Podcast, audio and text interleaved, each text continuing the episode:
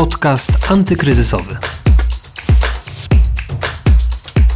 Dzień dobry, to jest podcast antykryzysowy. Ja nazywam się Justyna Smolińska i zapraszam Was na kolejny odcinek. A dziś rozmawiać będziemy o tak zwanych pudełkach, czyli o cateringu dietetycznym. W 2017 roku w Polsce działało 350 firm zajmujących się dostarczaniem dietetycznych posiłków pod drzwi naszych domów. W 2019 roku tych firm było już 650. Firmy cateringowe w Polsce codziennie realizują 100 tysięcy dostaw, a średni miesięczny koszt takiej diety to około 1200 zł. Tak wynika z raportu przygotowanego przez Pomelo Catering.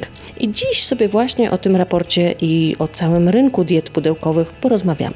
Dużo zmieniło się w tym sektorze też w czasie pandemii. Najsłabsi gracze odpadli, a liderzy konsekwentnie umacniają swoją pozycję i mimo pandemii radzą sobie naprawdę dobrze. Posłuchajcie trochę o dietach pudełkowych. Zapraszam Was na nowy podcast antykryzysowy, a naszym gościem jest Bartłomiej Foszer, inwestor i doradca strategiczny Pomelo Catering. Że możemy spokojnie powiedzieć, że rynek cateringów dietetycznych w Polsce jest największym rynkiem w Europie. Obecnie jest on wart około miliarda złotych. Ten rynek rośnie bardzo szybko. Jeszcze 5 lat temu, jak my wchodziliśmy na rynek, było zaledwie kilka podmiotów, które świadczyły tego typu usługi. Na dzień dzisiejszy tych podmiotów jest 650, jeszcze dwa lata temu była tylko połowa, więc rynek rozwija się bardzo dynamicznie. Z drugiej strony zapotrzebowanie na te usługi stale rośnie, ponieważ mogę to powiedzieć z naszego przykładu. My rok do roku rośniemy praktycznie 100%. Branża też rośnie w takim, może troszkę wolniejszym tempie i myślę, że, że tutaj należy upatrywać szans na rozwój tego rynku.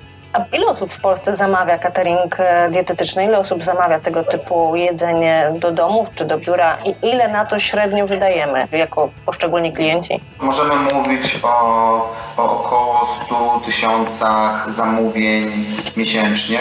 Tak jak wspomniałem wcześniej, realizowanych przez 650 podmiotów.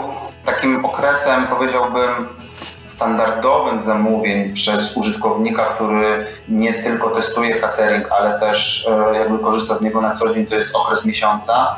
E, standardowy koszt diety miesięcznej to jest od 1000 do 1500 zł w zależności od tego, czy ludzie zamawiają catering na tylko dni powszednie, czy również z weekendami. 70% ludzi decyduje się raczej na zamawianie diety od poniedziałku do piątku, więc jest to około 100 tysięcy osób wydających średnio 1000-1500 zł miesięcznie. A co się zmieniło w Waszej branży w czasie pandemii? Jakie są te największe zmiany? Ile firm przybyło, ile ubyło, ile zniknęło z rynku? No i ilu klientów przybyło w czasie pandemii? Bo mówi się, że jest to jedna z tych gałęzi branży gastronomicznej, która mimo pandemii radzi sobie naprawdę dobrze. Wiele osób, e, z którymi rozmawiałem, szczególnie przy tej pierwszej fali lockdownu, myślało, że skoro zamykane są restauracje, skoro pojawiają się kolejne obostrzenia, to catering na tym wygrywa. Nie było tak kolorowo na początku, ponieważ my również zaliczyliśmy duże spadki. Były one spowodowane głównie tym,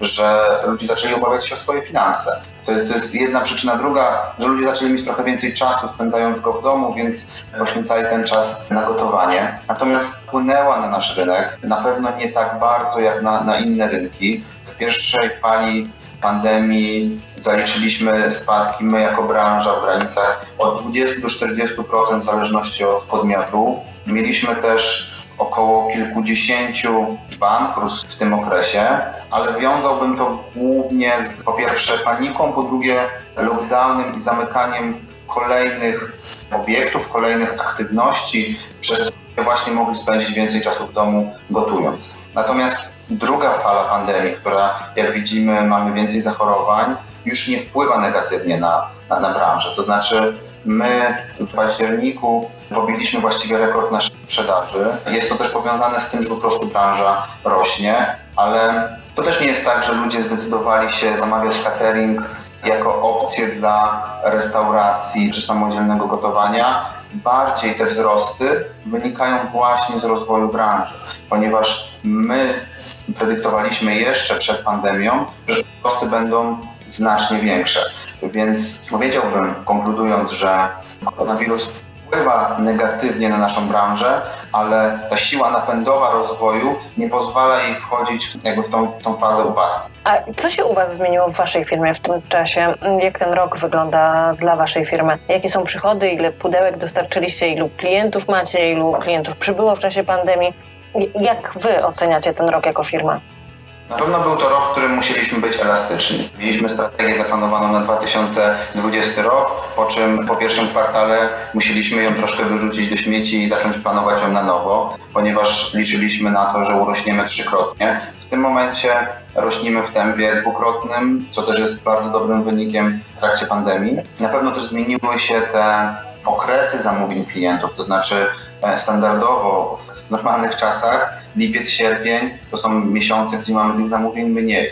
Teraz tak nie było, bo ludzie tak masowo nie wyjeżdżali na wakacje, więc jakby adaptowaliśmy naszą ofertę do tego, co się, co się dzieje na rynku. Jeżeli chodzi o ilość klientów, to też podwoiliśmy ją w stosunku do zeszłego roku. W obecnej sytuacji dostarczamy w granicach 700-800 pakietów dziennie. Nasze przychody tak naprawdę rosną liniowo z ilością zamówień, czyli, czyli również w tym roku podwoiliśmy liczbę przychodów. Jest to w granicach 800 tysięcy do miliona złotych miesięcznie.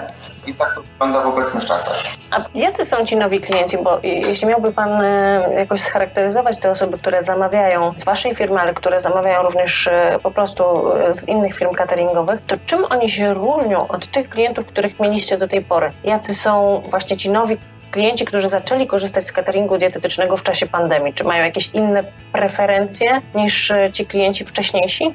Co jest ciekawe, e, robiąc badania naszego raportu w tym roku, ponad 40% klientów pierwszy raz zetknęło się w ogóle z cateringiem dietetycznym w tym roku. Ale znowu, wydaje mi się, że nie jest to wpływ pandemii, tylko wpływ cały czas rozwijającego się rynku i rozpowszechniania idei cateringu dietetycznego nie jako tylko środka, powiedziałbym, do zrzucenia zbędnych kilogramów, ale przede wszystkim catering dietetyczny wchodzi do naszego lifestyle'u. Jest to coś, co ułatwia nam życie.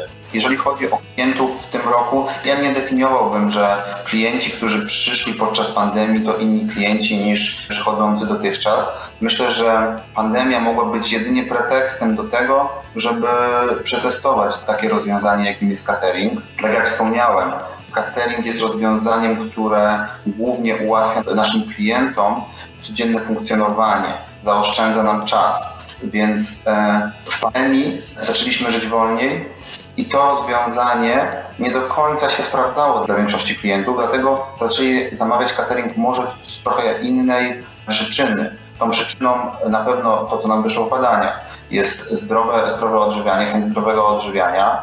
Na pewno też gdzieś tam pojawiał się problem z przybraniem na wadze podczas siedzenia w domu, więc te diety redukcyjne też cieszyły się większą popularnością. Na pewno też zamykanie siłowni, zamykanie obiektów sportowych wpłynęło na to, że zamówienia na diety z wyższą kalorycznością, czyli dla tych osób naprawdę aktywnych fizycznie, też zmalały.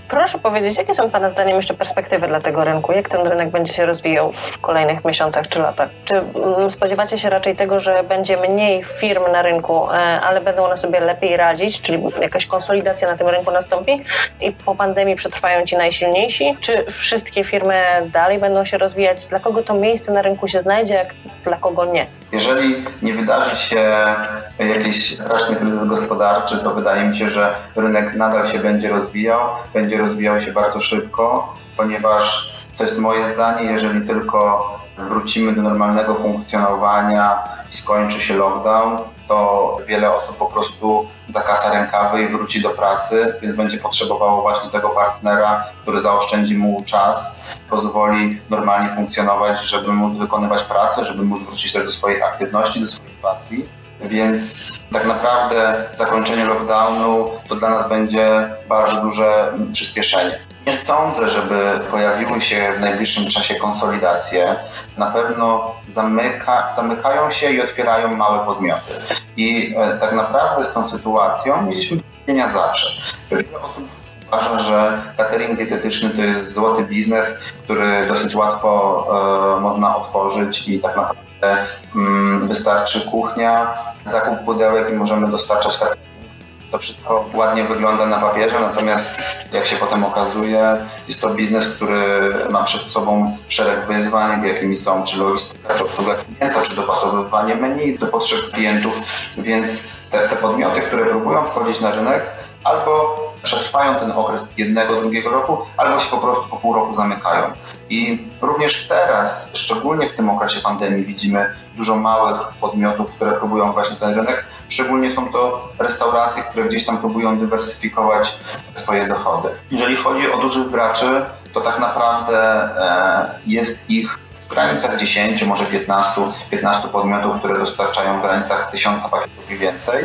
I tutaj rozwijają się cały czas liniowo, cały czas e, zwiększają swoje przychody i wydaje mi się, że mają się całkiem dobrze.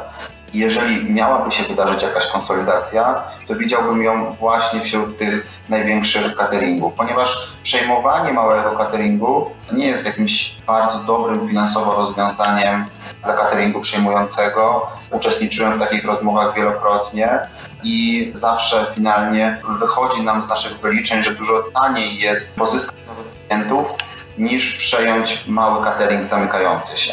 Dlatego jeżeli konsolidacja, to tylko wśród dużych graczy. Na razie się nic nie zapowiada, ale, ale wiadomo jak, jak to w biznesie. Dzisiaj nie ma tematu, jutro się może pojawić. Dziękuję bardzo za rozmowę. Naszym gościem był Bartłomiej Foszer, inwestor i doradca strategiczny Pomelo Catering. Bardzo dziękuję Panie Bartłomieju za rozmowę. Dziękuję. W dzisiejszym odcinku to już wszystko. Kolejna rozmowa już w czwartek i będzie to rozmowa zupełnie inna. Będzie to rozmowa o tym, jak pandemia wpływa na naszą psychikę, czego się boimy, co nas najbardziej stresuje i czy stres ten może przerodzić się w coś poważniejszego. Porozmawiamy też o tym, jak sobie ze stresem radzić, co robić i będzie też o tym, jak pracodawcy powinni wspierać swoich pracowników w czasie pandemii. Czego ci pracownicy oczekują i czy menadżerowie potrafią sprostać tym oczekiwaniom. O tym wszystkim porozmawiamy w kolejnym odcinku. Serdecznie Was już zapraszam. Justyna Smolińska. Do usłyszenia.